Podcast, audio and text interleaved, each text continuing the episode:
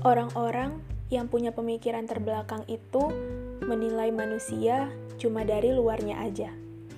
Salah satunya orang-orang yang menilai manusia dari pakaian. Untuk wanita muslim, kan menutup aurat itu wajib ya.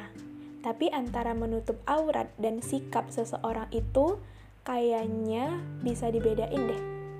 Dia menutup aurat ya karena itu perintah Tuhannya. Kalau dia ngelakuin hal yang gak baik, ya jangan salahin cara dia berpakaian dong seharusnya. Apa ya yang salah dengan pemikiran kita?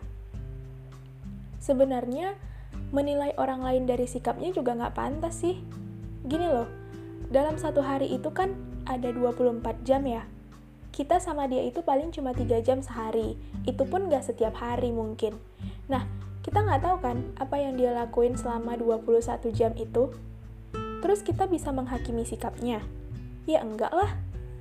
Kalau nih misalnya, empat tahun yang lalu kita bersahabat baik dengan dia. Setiap hari ketemu, intens, semua tentang dia diceritain ke kita. Nah, tapi satu tahun belakangan ini, kita tuh jarang ketemu, jarang komunikasi. Terus tiba-tiba ada yang nanya nih tentang dia ke kita kita tetap nggak bisa buat menilai dia dari pandangan kita di empat tahun yang lalu. Karena dalam setahun kita nggak ketemu, kita nggak tahu apa yang dia lakuin, kita nggak tahu dia berubah jadi lebih baik atau lebih buruk atau bahkan sama aja mungkin. Banyak loh orang-orang di luar sana yang tertatih-tatih untuk tetap istiqomah menutup auratnya. Ya, jadi tolonglah, jangan ditambah dengan omongan kita yang bisa semakin ngejatuhin mental mereka. Untuk masalah sikap, menurut aku pribadi, itu bakalan membaik sendiri kok.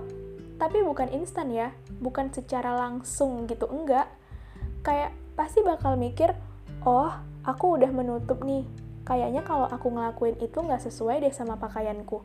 Nah, karena udah mikir kayak gitu, pasti nggak jadi dilakuin, dan jadi kebiasaan juga untuk nggak ngelakuin itu lagi.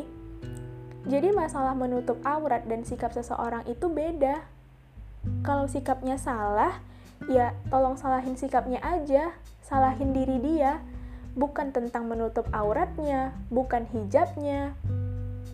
Kayaknya kita perlu belajar nih untuk mengubah mindset, mengubah pola pikir kita tentang ini.